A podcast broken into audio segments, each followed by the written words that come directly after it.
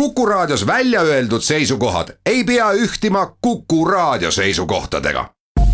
Te kuulate Kuku Raadiot. majandusruum. tere, head Kuku raadio kuulajad, eetris Majandusruum ja stuudios ajakirjanikud Harri Tuul ja Lennart Ruuda ja räägime täna piltlikult maa alla kukkunud nafta hinnast ja selle mõjust kütusehindadele samuti maksulaekumiste vähenemisest äh, ning majanduspiirangute leevendamisest. kui need tulevad, kas nad tulevad ja kuidas nad tulevad. ja saate teises pooles on meil äh, taaskord virtuaalselt külas tippkokk ja ettevõtja Tõnis Siigur, et kellega tahaks rääkida, et kuidas see tema elu noh, muutunud on, et me teame ju, et restoranid ja, ja on sisuliselt kinni, eks ole, ja, ja, ja, ja kuidas nad otsivad mingisuguseid uusi, ma ei tea, ärimudeleid, ettevõtlusmudeleid, et selles olukorras ellu jääda aga mis siis juhtus äh, siin äh, sellel nädalal, eks ole, Lennart, et äh, siin just USA nafta selline indeks või selline nafta nafta hind kukkus siin ühel päeval lausa miinusesse kolmekümne seitsme euro või dollariga, et noh, täiesti noh, müstiline, enneolematu sündmus ma just mõtlesin, et kunagi tundus uskumatu, et on olemas negatiivsed intressimäärad, eks ju, et, et pangad peavad nii-öelda keskpangale raha hoiustamisest peale maksma. Siis, siis nüüd tuli nii-öelda järgmine uskumatu asi, et nafta hind võib olla nagu negatiivne, et nafta eest tuleb peale maksta, et ma mõtlen, mis see, noh, elame imede ajal küll, eks ju, et mis see, mis see nii-öelda järgmine, järgmine selline asi võiks olla, et kas helikopteri raha, et antakse inimesele, kantakse pangakontole raha, et ta saaks seda siis kulutada ja seeläbi majandust ergutada, mis pole üldse tegelikult tänapäeval enam ebatõenäoline. no USA-s on sisuliselt juba midagi sarnast äh, tehtud, et äh, ja ka Eestis muuseas plaanitakse väike, väikeettevõtetele ka anda nii-öelda noh, ta peab küll tõestama, et see on, tal on, ta on elujõuline väikeettevõtja, aga sellist tagastamatut abi, aga noh äh,, lähme nafta juurde. Lähme nafta juurde jah, aga tekkis siis selline Äh,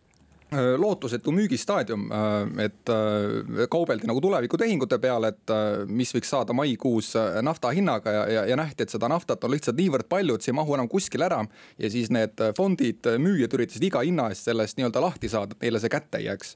ja, ja noh, tänu selle, selle tõttu see saabki nii-öelda teoreetiliselt nii-öelda miinusesse langeda, et päris, kui keegi toob sulle mingi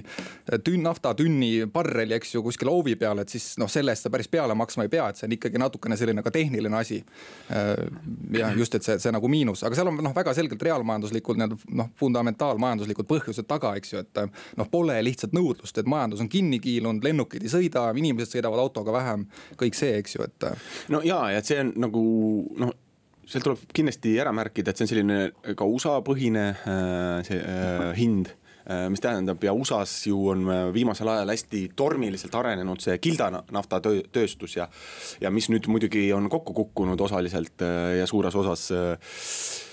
ja seal tekkis jah, selline moment, kus äh, siis paljud, kuna nafta kauplemine käib peamiselt futuuridega, vähemalt turul, äh, siis äh, see tähtaeg kukkus ja, ja paljud pidid jah, selle ära andma ja, ja sisu, ega sisuliselt tegelikult nafta hind ei muutunud, et vastupidi, et väga paljud ettevõtjatel on pikaajalised lepingud. noh, näiteks kasvõi Eesti Energial on oma õli müügis on pikaajalised lepingud, hind on fikseeritud ja see turuhind nii palju ei mõjuta või teine näide, kasvõi siin meie Euroopa Euroopa, Euroopa näide, mis Brent, nii-öelda Brent äh, indeks või Brenti hind, et, et see ju äh, miinusesse ei kukkunud, et jäi ikkagi plussi. aga kindlasti on te, äh, tegu Äh, sellise märgilise sündmusega, et näitab, et turud ja, ja kogu see majandus ja kõik asjad on niivõrd paigast ära, et,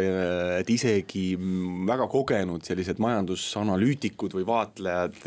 või ka ütleme siis tegijad on, on, on, ütleme, hoiavad peast kinni, et mis toimub, eks. Absoluutselt, absoluutselt, noh, küsimus Eesti inimesele on alati see, et kui nafta hind teeb jõnkse või kukub või tõuseb, mis saab tanklate postihindadega, palju maksab diisel, palju maksab bensiin, eks ju, mis ongi selle noh, see pole päris nagu toornaftaga üks-ühele, et sa ei pane seda toornaftat endale paaki, vaid see on ikkagi nii-öelda rafineeritud, töödeldud siia nagu toodud, et see on natukene teistsugune toode aga, aga jah, et siis tekkis ju paljudel hiirehammastel küsimus, eks ju, et kui ma, kui ma lähen ka nüüd äh, tankima, et kas siis äh, ma ei tea, tankla tädi maksab mulle siis, äh, panen paagi täis ja maksab mulle siis nagu eurosid selle eest peale, et. Et noh, see, see noh, see, see on muidugi pool nagu naljaga öeldud, et, et sellist olukorda nagu kindlasti tekkida ei saa, et seal on nii palju selliseid muid kulusid vahel, et noh, rääkimata aktsiisidest, käibemaksust, siia nagu transportimisest, oma marginaalist, töötajate kuludest ja kõigest sellest, aga. aga no, kusjuures on huvitav jah, sa ütlesid, Brent, eks ju, nii palju ei kukkunud, aga, aga samas on Brent on ka ikkagi ka, ka täna langenud, ta peaks olema seal kuskil viieteist, seitsmeteist äh, dollari vahel barrelist ja, ja mul üks suur kütusemüüja ütles küll, et äh, iseenesest võib oodata diisliliitri hinnalangust mai alguses. ärme unustame, et on ka diisliaktsiis langeb, eks ju, esimesest maist. ja ta ütles, et äh, jõuab ka see Brenti langus nii-öelda sinna hinda, lõpphinda ja see võib olla siis kuskil euro mai alguses, et äh, euro, euro diisel liitri eest, et. Äh, jah, siin targemad, targemad äh, on toonud näiteks välja selle, et kui näiteks Soome hindadega võrrelda, need panna maksud ja muu sellise sisse, et siis see hind võiks juba praegu olla kuskil euro kümme, eks, et, et kui see aktsiis ka veel langeb, et siis see eurone hind on noh, täiesti reaalne, et selles mõttes natukene, et ühelt poolt ma saan äh, nendest tanklakettidest aru, et kuna käibed on langenud kuskil noh, hinnanguliselt kuskil nelikümmend protsenti, eks. et siis hinda hoitakse nagu kuidagi hind püsib nagu kõrgel, aga teisest, teiselt mõttes on see ikkagi väga kummaline, et kui su hind on, eks ole, või tähendab, kui sinu toote vastu ei ole enam nii suurt huvi, et hinnad ei lange, et ja mitte üheski tanklas, et see paratamatult ükskõik, kuidas seda selgitada, see pole loogiline. aga see pole ainukene sektor, kui ma vaatan näiteks e-kauplu-, Eesti e-kauplusi, ma ei suuda ära imestada, mis seal toimub, ma lihtsalt korra teen paralleeli, et, et kümme, kakskümmend protsenti on hinna äh,, hinnaaled nii-öelda. no tule taevas appi, et see on ju püsikliendi ale, see ei ole mingi hinnalangus, et, et viiskümmend protsenti on normaalne hinnalangus ja kuidas saab olla niimoodi, et kõikides teistes riikides, mis Eestit ümbritsevad, on sellised hinnalangused tugevad, aga Eestis kuidagi need ei jõuagi kuidagi kohale. ja see ei saa olla, ei saa ju põhjendada seda väikese turuga, sest meie e-turg on globaalne, sa ei pea tellima Eesti e-poest, sa võid tellida ükskõik mis e-poest, sest see on kogu maailm tuuakse kohale sulle seda, et see on natukene arusaamatu no tanklaketid pole põhjust otsimisel, et miks, miks hind ei saa langeda, et äh, nagu sugugi kehvakesed, et, et vastupidi, et äh, väga head, et äh, vahepeal ikka irooniliselt mõtlen niimoodi, et Eesti majandust peame selliseks haprakeseks, eks ju, mis sõltub väga-väga palju nii-öelda noh, välismaailmast, eks ju, mida meie peamised eksporditurud teevad, aga aga noh, tundub, et siis sellise suure tähtsa tooraine nagu nafta kõikumise vastu oleme me täielikult kaitstud või vähemalt meie kütusmüüjad, et see neid absoluutselt ei puuduta kuidagi, et. noh, see on nii-öelda nii nagu pool, pool naljaga öeldakse, öeldes, aga, aga no nüüd, kui see Brent, eks ju, mille põhjal siis kujuneb. noh, Eesti tanklad, ma saan aru, ostavad sealt Rotermanni nii-öelda rafineerimistehastest sealt plati pealt platsi pealt, et sealt äh, see põhineb eelkõige nagu Brentil ja kui see on langenud, siis tõenäoliselt ikkagi see ka jõuab, äh, no vähemalt peaks jõudma kindlasti lähinädalatel ka meie nagu siis tanklahindadesse ja seda enam, et üks, üks suur kütusemees ütles mulle, et euro diiseliliitri eest mai alguses, nii et vaatame, vaatame. nojah, võib ju lausa kihlvedusi sõlmida, et kas juhtub euro, et äh, jätame selle meelde, et saab selle juurde tagasi tulla, aga teeme siis nüüd väikese pausi. majandusruum jätkame saatega, stuudios ajakirjanikud Harri Tuul ja Lennart Ruuda ja kui enne rääkisime nafta hindadest ja kütusehindade seost, seostest või mitteseostest, siis vaatasime, vaatame nüüd natukene ka maksude sisse, et, et sel nädalal siis maksuamet avalikustas siis eelmise kuu noh, peamised äh, maksulaekumised, et kõike ei ole veel deklareeritud, et käibemaks siis äh, oli siin paar päeva tagasi alles ja selle pealt veel kõike, neid veel ei olnud, küll aga juba tööjõumaksude pealt sai teatud järeldusi teha, et noh, näiteks selline üldine langus, kuigi eriolukord kehtestati poole kuu pealt, siis juba oli viisteist protsenti. ja ma tean, et paljud äh, ettevõtjad väga noh, kutsusid lausa oma kolleege üles makse maksma ja nii edasi, et siis me siis juba oli vähenemine viisteist protsenti. Aga kui minna veel sektoripõhiselt, siis mõnes sektoris oli see ikkagi päris karmid numbrid. No kindlasti on kõige suuremad kukkumised toitlustus ja majutuses, turisminduses, mis on kõige rohkem pihta saanud ja eelkõige Saaremaal. Minu arust, et seal toodi välja et, et üheksakümmend protsenti maksudest on jäänud saamata märtsi eest. tõepoolest, et see tähtaeg oli kümnendal, noh muidugi neid äh, on ajatatud ja seda saab veel tilgutada ka hiljem ja hiljem ja hiljem on ju aga noh, see on selles mõttes on ka hea nagu indikaator või, või annab meile annab meile sellist väärtuslikku nagu tagasisidet, et missugustes äh, ettevõtlussektorites on äh, jama kõige suurem kus on, kus on häda kõige suurem, see aitab ka noh, see on nagu nii-öelda reaalne nagu pilt on, et see ei ole mingi küsitlus või, või selline nagu, nagu mingi kauge vaade. statistika minevikust, vaid tänane seis. täpselt, täpselt tänane seis ja see annab nagu head, väga väärtuslikku tagasisidet riigile, et kus, kuhu saab võib-olla seda raha nii-öelda kraani suunata, et keda, keda sealt täpsemalt aidata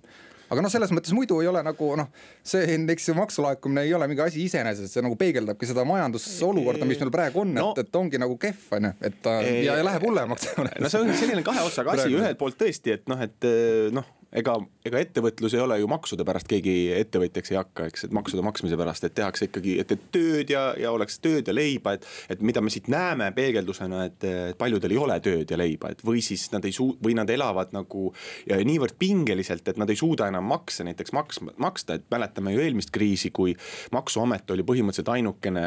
Äh, koht, kust sai laenu sisuliselt, sellepärast et pangad laene ei andnud ja paljud jäidki maksuametile võlgu. kuna see kahekümne kahe protsendine intress toona äh, tundus ka väga hea, täna, eks ole, maksuamet ongi teatanud ja valitsus, et nad kohe ei küsi Äh, intressi ka peale mingi aeg äh, maksuvõlgadele, aga, aga teiselt poolt, kui me mõtleme nüüd, et näiteks meie tervi-, et tööjõumaksud on just need, mis suures osas, eks ole, näiteks sotsiaalmaks lähevad kas tervishoidu või pensionite maksmiseks. ja kui sealt toimuvad väga tugev langus ajal, kui me tegelikult vajame vastupidi tervishoidu rohkem raha, et noh, siis on see noh on jällegi mingi otsustuskoht, et mida me nüüd teeme, et kas me võtame laenu, et neid tervishoiukulusid katta või, või võt-, kust me selle nagu raha võtame, et sest lõppude lõpuks on meil seda nagu raha vaja, et aga see siit haakub minu arust väga hästi sellega, üks teenusmajanduse koja on selline nii-öelda ettevõtlusorganisatsioon on ju, kes, kes tegi siis ettepaneku seda sotsiaalmaksu üldse ära kaotada, et kuskile siis nelja tuhande viiesaja, neljasaja viiekümne tuhande töötaja pealt umbes, kes selles nagu valdkonnas töötavad, et võiks, võiks ka nagu selle üle arutada, et see üks, üks eeskõneleja oli siis Jaan Pillesaar, kes on tarkvarafirma Helmese juht, selline nii-öelda väga parempoolse ja ultralibertaarliku mõtteviisi nagu selline eestvedaja, et, et, et, et vähem riiki ja rohkem sellist inimest, eks ju, ta on nagu toetanud sisuliselt sotsiaalministeeriumi, haigekassa nagu erastamist. vaadake ise põhimõtteliselt äh, oma rahaga, kuidas, kuidas nagu hakkama saate, et ma ütleks, praeguses olukorras on nagu hea, noh, abstraktse mõttena on kindlasti huvitav, võiks seda nagu kaaluda, sellise mõtteviisi edendajad no, ka poliitikas no, rohkem olla, aga, aga, aga jah, et kuidas see nagu praegu reaalselt toimiks, nagu üli, üliraske näha, üliraske näha. no seal no mõned argumendid selle. praeguses olukorras seda teha. ütleme, mõned argumendid selle kaitseks on see, et noh, näiteks praegu jagab, jagatakse neid toetusi läbi mingi noh, läbi KredExi ja, ja, ja, ja läbi Töötukassa ja nii edasi, eks ole. ja, ja seal vaadatakse iga see taotlus eraldi läbi ja siis osad saavad, osad ei saa ja nii edasi. nüüd, kui me noh, mis see üks argument on näiteks selleks, et kuna väga paljud niikuinii ei jõua seda maksu maksta, et küsimus ei ole selles, et kas tahavad, eks, küsimus on selles, et nad ei jõua. et siis üteldagi, et praegu ei maksa ja, ja kõik need, kes on maksnud ja kes on, mis on tegelikult tähendab seda, et nad on olnud ausad ettevõtjad, nad on olnud ausad noh, riigi ees ja meie noh, ütleme ühiskonna eest, et, et nad saaksid siis mingit leevendust mõneks ajaks. et, et see ettepanek ei ole ju igavene, vaid on ütleme mõneks kuuks. aga selle suur miinus on või selline, millest noh, miks see valitsus ei ole seda teed läinud, kuigi mõnes teises riigis on ka seda kaalutud ja minu arust isegi mingis vormis rakendatud. siis äh, on see, et aga kust siis tuleb see riigi raha, noh, et äh, millega siis teenuseid pakkuda ja eelkõige noh, kui me räägime siin noh, ma ju see arstiabi, tervishoid ja nii edasi. et, äh, et, et see on see põhjus, miks miks eh, valitsus ei ole läinud seda teed, et kuna kaks kõige suuremat eh, tuluallikat, maksutuluallikat ongi ju sotsiaalmaks on number üks ja siis teine on käibemaks, et. et kui nendest üks või kaks, noh käibemaks ka kindlasti langeb, et kui need ära kukuvad, et sealt ongi need suured langused, et lihtsam on aktsiisi langetada mingit või, või midagi muud, mida mingit väiksema mõjuga maksu, kui niivõrd suuri asju ära jätta, et. just noh, sotsiaalmaks moodustab kolmandiku Eesti riigieelarvest umbes, see on mingi üle kolm koma kolm miljardit, et äh, noh, see ei ole, see ei ole mingi, ma ei tea, mähkmete käibemaksu alandamine nagu mingiks perioodiks või ajalehtede. absoluutselt, ega suhkru, ega suhkrumaks ega midagi sellist, eks, et. et see, see sisuliselt ongi see nagu kõige-kõige olulisem sammas, millel põhimõtteliselt riigi, riigieelarve üldse nagu püsti püsib. muuseas ja..., muuseas ma tean, et Soomes on, et äh, peab veel täpsemalt, ma pean äh, täpsustama, kuidas see on rakendunud, aga on selline solidaarsusmaks teatud inimestele teatud jõukustasemest kõrgemale, et, et just rahastada seda koroonakriisi, et. et, et hoopis nagu teistpidi mõtlemine, et, et et seetõttu noh, seetõttu praegune olukord on mõnes mõttes selline kompromiss nende kahe vahel, et kus siis üldiselt öeldakse, et palun deklareerige ära ja, ja aga noh, ja üritage maksta, aga kui te ei maksa, siis me ei võta teilt intressi ja me ei karista teid. et noh, et see on nagu sellise kahe noh, mittemaksmise, totaalse mittemaksmise või maksuvabastuse ja, ja siis noh, iga hinna eest maksude korjamise vahel selline kompromiss, et äh, mis praegu äh, on välja käidud või mis praegu Eestis kehtib, et mm. -hmm. ja eks need ettevõtlussektorid, organisatsioonid äh, lähevad ka nii-öelda maksimumi püüdma, aga noh, see on, see on, see on ikka selline nii-öelda läbirääkimisvõte, et küsija, eks ju mingi noh, hästi no, suur jah. summa, hästi palju, aga tegelikult sa oled nõus leppima ka vähesemaga, et tõenäoliselt nende algne eesmärk ei olegi see, et sotsiaalmaks siis ära kaotataks kolmeks kuuks suvel on ju, vaid et seda näiteks vähendataks siis kasvõi viis protsenti või, või, või, või natuke natukene rohkem, eks ju, et, et. et seda nii-öelda täis, täispangale maksimumnõuet sa tõenäoliselt kunagi see ei realiseeru sul, sul nagunii ja eraldi küsimus on see, et kes sel juhul siis selle sotsiaalmaksu nagu endale saaks, et kas see läheb nagu. nii-öelda minu ettekujutuses võiks minna siis töötajale, kes peaks äh, oma äranägemise järgi leidma endale siis ka arstiabi, kuna tema eest seda sotsiaalmaksu ei tasuta või see jääb siis nagu tööandjale, et tal Äh, tema nagu kulusid kokku hoida. ja siis sealt nagu, nagu teine asi, et kas meil on see siis ka erameditsiin, see kogu see infrastruktuur, mis seda nii-öelda sotsiaalsüsteemi erastamist justkui peaks äh, abistama, et me saame ka seda ravi kuskilt osta endale kui seda no, ühis, ühisest potist vähem tuleb, kuna. no nii palju, kui ma sain aru, et see on ikkagi selline ajutine lihtsalt äh, leevendusmeede või abimeede, et mingi laenu või, või muu riigi, tagastamatu riigiabi asemel on tagastamatu siis äh, noh, selline ajutine maksuvabastus. aga noh, mis ta kindlasti näitab meile, on see, et kui keerulises olukorras on sellised ettevõtted, kus on, äh, mis sõltuvad noh, teenusepakkujad erinevad, kas on ta siis IT-teenused või ka mingid muud teenused, et neil on väga suure osa Äh, nende kuludest äh, moodustavad just äh, tööjõukulud ja tööjõukuludest ju peaaegu väga suure osa moodustavad ju just nimelt igasugused tööjõu, erinevad tööjõumaksud. ja, ja noh, ütleme isegi kui me nüüd praegu nägime viieteist protsendist langust, et siis võib ju prognoosida poole kuu pealt, et võib ju väga ju, noh julgelt prognoosida, et aprillis on see langus suurem noh, võib-olla kolmkümmend protsenti, nelikümmend protsenti. et isegi kui me ütleme, et okei okay,, me ei tee seda vabastust, siis ikkagi eelarves tõenäoliselt suur osa rahast jääb äh, laekumata.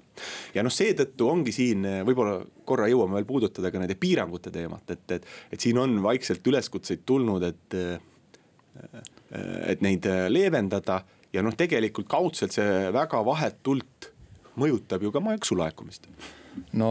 ja absoluutselt, viimane aeg on hakata mõtlema jah, selle majanduse avamise peale väikse jupi kaupa, et äh, minu arust võiks näiteks kaubanduskeskused esimeses äh, hoos kindlasti nii-öelda lahti teha, et. Äh, et seal seda chill imist, hängimist, et inimeste teadlikkus on tõenäoliselt juba praeguseks niivõrd kõrge, et sellist ninapidi koos hängimist äh, seal nagu väga ei oleks äh,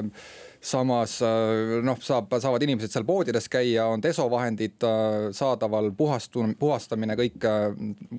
nii-öelda kaupmehed on ise ka küllaltki nagu vastus, vastutustundlikud ja hoolikad tõenäoliselt ja, ja see, see võiks olla üks küll minu arust koht, mida, mida, mida, mida katsetada ja proovida jah, noh, et ja. ütleme, see võikski olla selline mõnes mõttes ka ühiskondlik kokkulepe, et me mitte ei, ei vastandu üksteisele, et vaid proovime nagu koos teha neid asju, et ütleme, lepime kokku, et, et kaubandus näiteks noh, näiteks, et kaubanduskeskused avavad, aga jälgivad väga hoolikalt ja soovitavad seal ja ma ei tea, juhendavad inimesi, kui nad ei täita. ja inimesed omalt poolt lubavad, et nad käituvad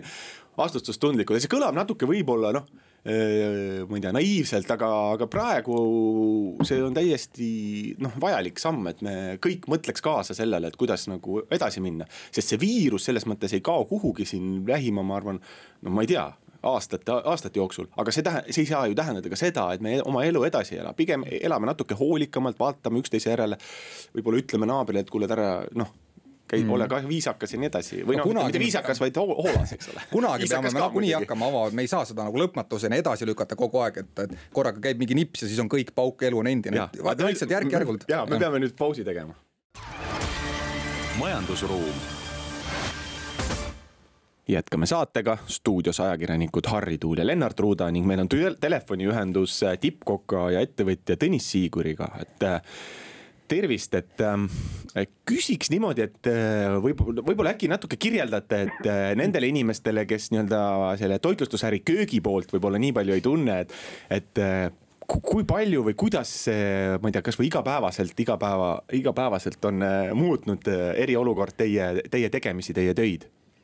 Tere kõigi, kõigile minu poolt ka ja ma üritan siis kuidagi see kokkuvõtlikult kirjeldada, et äh, noh, restoraniäri väljaspoolt vaadates on kõik väga ilus ja meeldiv käia ja, ja, ja, ja nii-öelda tundubki nagu kõik väga hästi, aga kuna see on äh, põhitegevus nii-öelda meie ettevõttel, siis meil ei ole kõrvaltegevusi, siis me sõltume hästi palju külastajatest, külastajate arvust ja käidavusest nii et äh, kui tulla tagasi nüüd eriolukorra alguse juurde, siis äh, noh, piltlikult öeldes võib öelda niimoodi, et päevapealt äh, kukkus külastatavus ära ja kuni nullini, et seal ei olnud niimoodi et, et viiskümmend protsenti või seitsekümmend või kaheksakümmend, vaid noh, sõna otseses mõttes võib öelda, et nullini aga ta nüüd ütleme, nüüd viimane see poolteist kuud, mida me oleme teinud või kui palju ta nagu siseselt mõjutanud on, no eks me algetapis niikuinii äh, pidime olema informeeritud siis, mida riik ette võtab ja mis sanktsioonid ja olime nii-öelda äraootaval seisukohal ja ega keegi ei tea, mis äh, nagu tulevik toob. Ja eks me suures plaanis käitusime nagu enamik ettevõtjaid, mitte ainult selles sektoris, vaid ka üleüldse. äh, loomulikult äh, me ei alustanud kohe inimeste äh, koondamist, tänasel päeval äh, me ei ole mitte ühtegi inimest veel koondanud, oleme kasutanud riigi nii-öelda neid meetmeid abina mhm. ja siiralt loodame, et maikuus hakkab taastuma nii-öelda see normaalne elu ja, ja kogu nagu tegevus äh, siis kuni tänase päevani on äh, põhinenud siis remontimisel, ettevalmistamisel, puhastamisel, plaanide tegemisel, oleme tegelenud ka take away'ga, tegeleme siiamaani ja plaan on siis esimesest maist äh, mingil kujul avada terrassid, jälgides siis kaks pluss kaks reegleid ja kogu hügieenireegleid, nii et lühidalt see on meie tegevus olnud tänase päevani. ma küsiks korra, et eh, noh, need inimesed, eks te ütlesite, et need ei ole, te noh, te ei ole kellestki veel loobunud ja kasutate riigiabi meetmeid, aga kas neil, mis nad praegu teevad, et, eh, et eh, jah? no kui ma nüüd, ma olen ise praegu siin Tuljakus näiteks, et üks härrasmees tühjendab basseini õues, teine õlitab terrassi, kolmas puhastab toole, köök tegeleb take away'ga, kaasamüügi ettevalmistamisega, samamoodi puhastamisega. ütleme, et kõik sellised tööd, mida igapäevaselt me ei ole saanud nii põhjalikult teha, et tegelemegi maja korrashoiu ja plaanide tegemisega. aga ma saan siis aru, et kõik teie nii-öelda viis restorani on kinni, et noh, tahaksin näiteks sööma tulla teile, siis ma, ma ei saa teha seda füüsiliselt kohale tulla, noh, sest me teame, et tegelikult osad restoranid on ju lahti praegu ka Äh, tänase päeva seisuga ma ei ütleks, et meil on kinni, et äh, näiteks Oko, äh, ütleme, et seda kaasamüüki saab käia kõikides majades võtta. et olla ja kohapeal tarbida on tänase päeva seisuga Oko osaliselt siis oma terrassi avanud ja Pajuvilla samamoodi oma terrassi ja järgmisest nädalast teeme samamoodi Tuljakus ja Noas, et selleks ajaks on terrassid korras, paigutame lauad suurte vahedega ja üritame siis nii-öelda ka kohapeal pakkuda oma toitu, jooki, head vaadet ja meie suurepärast teenindust no see on hea, et väikest viisi nii-öelda edasi tegutsete, aga äh, rääkige, et kuidas on nagu need take away või need kulleriga toidu koju viimise lahendused käima läinud äh,? ja mis, mis on veel võib-olla mingid teised ärisuunad, mida te teete, kui teil kliente sisuliselt kohale füüsiliselt ei tule? No meie nagu noh, take away lahendid on siis äh, põhimõtteliselt kaks varianti, üks on, et tulla ise järgi, tellida toit ette, me oleme kasutanud siis äh, vastavaid äppe oma äh, nii-öelda nii veebilahendustes kui sotsiaalmeedia lahendustes, et inimesed leiavad need pakutavad toidud üles ja pakume ka nii-öelda teatud kellaajadel koju toomist teatud piirkondades ja selleks me kasutame, tähendab, me ei kasuta ei Wolti, ei Bolti, vaid meil on äh, hea partnerpiir Citybee autodega, millega me ise siis toimetame kauba teatud kellaaegadel klientidele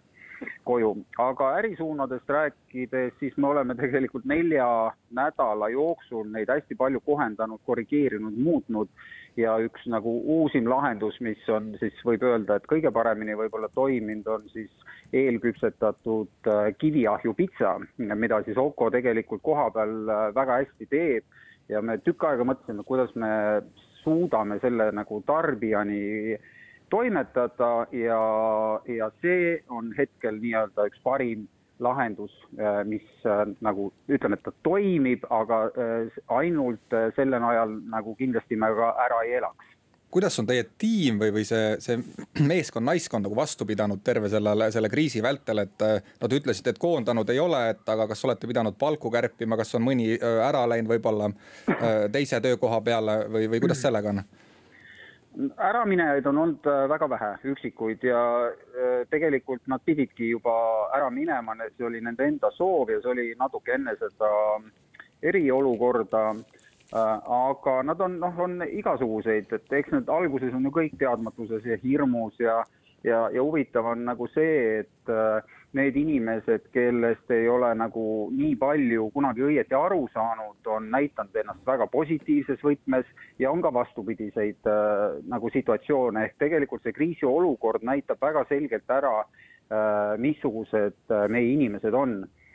see, seda esiteks, aga aga jah, et, ütleme, et me oleme rakendanud paragrahv kolmekümmend seitset, äh, kus on siis teatud määral vähendatud töötasu, äh, riik on oma panuse alla pannud ja me aprillis veel seda ei kasutanud, andsime välja kõikvõimalikud puhkused, pool kuud oli ka võib-olla normaalset tööaega, aga meie kasutame siis äh, sellel kuul ja järgneval kuul nii-öelda seda riigi palgaabi. Ma korra tuleksin selle kaasamüügi ja selle, et kui ma nüüd õigesti aru sain ja tähele panin, siis te üritate nii-öelda ise leida neid kanaleid ja võimalusi, kuidas ise äh, müü-, jõuda nende klientideni ja müüa neile äh, oma tooteid, mitte ei kasuta vahendajaid nagu Wolt ja Bolt, et kas ma sain õigesti aru ja miks see nii on? no see on väga selge majanduslik äh, põhjus selleks, et äh, tavaliselt ega ju tarbija ei tea, kes selle teenuse kinni maksab. aga otseselt võib öelda, et selle maksab ju tegelikult restoran kinni ja enamjaolt maksab selle kinni. ja, ja tänases olukorras, kus äh, käive on olematu, ütleme siis võrreldes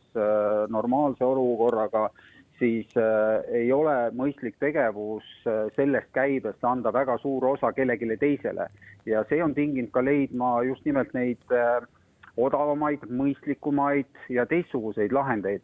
ja, ja mis on veel nagu tendents märgata hetkel, et inimesed on istunud juba hästi palju kodudes ja nad hea meelega tulevad ise ja mhm. võtavad selle toidu peale, et nad tahavad kasvõi see jalutuskäik päevas ära teha, on ju tegelikult väga okei okay,. et muidu nad ei saakski oma kodudest mhm. välja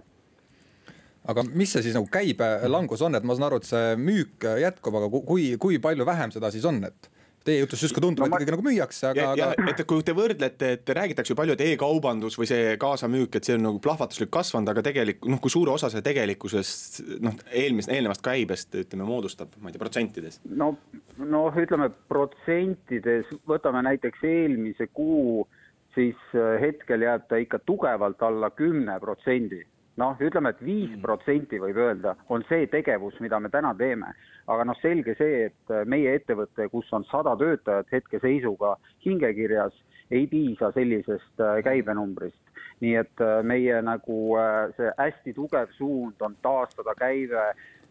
ükskõik missuguste lahenditega ja, ja väga turvaliselt, et äh, see on tänane prioriteet, et kui kuu alguse prioriteet oli, et aru saada, mis üldse toimub ja mida teha, siis täna me oleme väga selge suuna võtnud selleks, et esimene mai me oleme valmis äh, oma külalisi võõrustama. Äh, nii turvaliselt, kui see vähegi võimalik on ja nii palju, kui äh, nendesse raamidesse mahub, sest selge on see, et täna me tõstame ka oma saali kohtade arvu ju vähemalt viiskümmend kuni äh, kuuskümmend protsenti väiksemaks, sest vahed peavad mhm. olema, distantsid peavad olema ja teeninduse nii-öelda see äh, kuidas lahendada õige teenindamine sellises olukorras on ka omaette väljakutse. majandusruum jätkame saatega, stuudios Har Harri Tuul ja Lennart Ruuda, ajakirjanikud ja telefoniühendus on meil tippkoka ettevõtja Tõnis Siiguriga, et noh. rääkisite eelmises lõigus, et olete esimeseks maiks valmis avama ja ütleme, ootate külalisi tagasi, et aga kuidas te ise nagu hindate, et mis, mis mahus see üldse see restoraniäri või selline käimine taastub või et ega see või kas te ootate, et kiiret taastumist või pigem sellist aeglasemat? No ega me tegelikult ei tea, kuidas ta taastub, et me oleme enda jaoks teinud mingisuguse niisuguse mõtte või, või ütleme siis protsentuaalselt on niimoodi, kui suudab keegi taastada viiskümmend protsenti käibest, on väga-väga hästi. Hmm.. aga reaalsus võib osutuda kolmekümne protsendi peale. nii et tänased arvutused ja kõik nagu tulevikuplaanid selle, selleks aastaks oleme sättinud kolmekümne protsendi peale ja see tingib ka siis kõik muutused, on nad siis mingid äh, noh, luksusteenused, mida me eelnevalt oleme tarbinud, näiteks vaipade pesu või hästi paljude vaipade pesu või koristused või mingisugused muud teenused, et äh, me oleme tänase päevaga nad nii-öelda ära stoppinud. tõenäoliselt sellel aastal me enam ei äh, tarbi neid, struktureerime omaenda töötajad ümber, nii et õige on öelda kolmekümne, viiekümne protsendi vahel noh ei ole nagu palju unistada, aga mm, -hmm. aga kui läheb paremini, no väga hästi, kui läheb kiirelt äh, nii-öelda see taastumine äh, positiivses suunas, nii et äh, aga meie jah, oleme kuskil seal vahel aga see käib siis konkreetselt selle aasta kohta, et mis saab järgmistel aastatel, noh, seda, seda ei tea, aga see on siis nii-öelda selle aasta prognoos, et nii-öelda kolmkümmend protsenti. et ellu jääda ilmselt jah. just, just jah, kolmkümmend kuni viiskümmend, aga noh, ütleme, et restoraniäris on niikuinii äh, nagu äh, need äh, tipphooajad ja madalhooajad, et madalhooaeg on teada, et see on september, november või september-oktoober ja osa novembrist. et see on tõenäoliselt järgmine väga kriitiline koht, et see tuleb niikuinii, see on ka normaalses nii-öelda tavaäri juures, see alati juhtub, vaatame, mis juhtub see aasta, ei tea aga seda me kardame kõige rohkem, noh, detsember niikuinii on alati äh, jõulukuu ja kui on ilusad ilmad ja, ja see kriis on seljatatud teatud määrani, siis äh, noh, loodame, et elame sinnamaani välja ja siis sealt edasi, noh, vaatame, elame päev või kuu korraga. Aga kuidas teie sisetunne ütleb, et mis äh, restoranis käimisest, käimisest nii-öelda kontseptuaalselt saab, et näiteks kas, kas tahetakse restorani tulla, et siin äh, teatriinimesed, äh, osad inimesed räägivad, et teatris käimine võib muutuda ka selliseks, et äh, saalis on kuskil viiskümmend pealtvaatajat ja siis kodus vaatab seda veebi vahendusel, ma ei tea, paarsada inimest, et kuidas restoraniäri muutub? noh, jällegi on nagu, ei oska nagu prognoosida, aga noh, ütleme, võtame niimoodi, et ega sotsiaalne elu on toimunud ju ka suurte sõdade ajal. et see ei ole kuhugi kadunud, kui suures mahus ta toimub ja kas kõikides nendes kohtades, kus ta siiamaani on toimunud, seda ma ei oska öelda, aga inimesed tahavad väljas käia ja see ei ole pelgalt mitte söömine või äh, keha toitmine, vaid see on ikkagi elamus ja see on äh, mingisugune sotsiaalne tegevus. et äh, sotsiaalne tegevus tuleb hoida üleval, see aitab iibele kaasa, see aitab uutele kontaktidele ja, ja ka vaimsele emotsioonile et läbi interneti ei ole võimalik oma noh, ütleme nagu aju tühjendada, et sa pead minema kas loodusesse, sa pead minema teise keskkonda ja kohtuma teiste inimestega, nii et ma arvan, et see ei kao mitte kuhugi äh,. paralleelselt võib-olla need äh, veebikanalid jäävad ka toimima, aga kuidas ta nagu aasta pärast välja näeb, no ei oska öelda, aga meie peame olema ja tõenäoliselt olemegi valmis muutuma kaasas käima uute suundade ja vahenditega, kindlasti ka digitaliseerimisega, millega me juba tegeleme ikkagi väga-väga tugevalt. Mis teie prognoos on, et äh, kui palju restorane Eestis pillid kokku pakib, pankrotti läheb selle kriisilainega? noh, kui palju nagu pankrotti läheb, seda ma ei oska öelda, aga kokkupakkimist juba on näha, märgata, et päris palju tuntud nimesid ma ei hakka siin äh, välja ütlema, sest äh, sajaprotsendiliselt ma ei tea ja ma ei tea nende juriidikat seal taga aga noh, ma ütleme, et ma pakun et, et kolmkümmend protsenti kindlasti. äh, neid restorane, mida me teame ja tunneme, äh, võib kuu aja pärast enam mitte olla. Ja juba täna on väga paljud äh, meie partnerid ja kolleegid, kellega me oleme suhelnud, on info liikunud, et nad ei plaanigi enam uuesti avada. Kas, kas, kas võib öelda, et mõnes mõttes oli ka see turg veidi üle kuumenenud, et väga palju erinevaid restorane oli ja, ja osad noh, ma ei tea, mis no ma ei tea, saiakohvikud, kus hind on, ma ei tea, neli-viis eurot saiake ja, ja samas tootmise jaoks küsitakse veel hooandjast raha ja inimesed annavad ja, ja ma ei tea, kuidas see ärimudel üldse üles ehitatud on, et täiesti arusaamatu, et, et. nojah, võib öelda küll, et tegelikult enne seda äh, olukorda äh, oli väga selgelt märgata, et see turg oli no nii üle paisutatud kui vähegi nagu võimalik. ja, ja noh, ütleme, et seal on Äh, võib-olla see põhjus on ka see, et inimesed lihtsalt äh, ei anna aru, et äh, kui sa oled õppinud teatud eriala või tegelenud või see on su südamekutse, siis noh, tuleb tegeleda sellega, mis tegelikult süda sulle ütleb, on ju. aga enne seda kriisi oli märgata, et iga, absoluutselt iga inimene, kellel natukenegi oli raha ja võimalus investeerida, arvasid, et jube hea äri, et teeme nüüd restorani ja täna rääkides nii-öelda nende suurettevõtjatega, kes just nimelt niimoodi on käitunud, äh, on nemad esimesena, kes ütlevad, et mul ei ole mõtet seda äri teha. Ja taandub selle oma põhitegevuse juurde, kas see on äh, mingisugune tööstusharu, on ta meditsiin, on ta äh, ma ei tea, puidutöö, töötlemine ehk ta nagu loksutab paika need põhitõed, et noh, et kui mm -hmm. inimene õpib arstiks, siis me eeldame, et ta töötab ja teeb oma äri ka äh, just meditsiinivaldkonnas, mitte ta ei hakka äh, ronima näiteks pangandusse ja vastupidi. et selles suhtes äh, sellel halval poolel, mida see probleem meile kaasa on, to on toonud, on ka hästi palju positiivseid pooli, et ta ikkagi raputab no nii hästi paika mida ei juhtunud kaks tuhat kaheksa selle majanduskriisi ajal. kas te muidu olite nagu mingi majanduskriisiga ka arvestanud enne või kuidagi valmistunud, puhvrid seadnud või? Äh, ütleme nii, et restoraniäris nagu neid puhvreid väga palju ei teki. Äh, kuna kogu aeg investeeritakse edasi, eriti mhm. meie puhul, sest meie nagu see kasv oli ju iga-aastane ja me plaanisime ka sellel aastal tegelikult kasvada ja me plaanisime ka järgmiseks aastaks olla ka välisturgudel. nii et ütleme, et mhm. meie puhver läks tegelikult sellesse samasse varasse, pluss äh, me oleme in investeerinud ka kinnisvarasse, tänane olukord on küll noh, väga keeruline ka meile mitte ainult äh, selles äh, kriisiplaanis, vaid ka finantsiliselt, et me peame väga hästi mõtlema, kuidas me edasi lähme, mida me teeme et äh, jah, see on meie puhul, teiste kohta restoranide nii-öelda puhvri puhul ma ei oska nagu midagi arvata, kas neil oli või ei olnud. aga jah, meie mhm. puhul on see nii et riik hakkab ka oma rahalaevukesi nii-öelda teele panema, et töötukassa palgatoetus, mis te ennem välja tõite, siis samamoodi turismisektorile see kakskümmend viis miljonit, millest on palju räägitud, et mis, mis teie arvamus on, et kas piisab sellest ja kui palju sellest restoranidel üldse jätkub?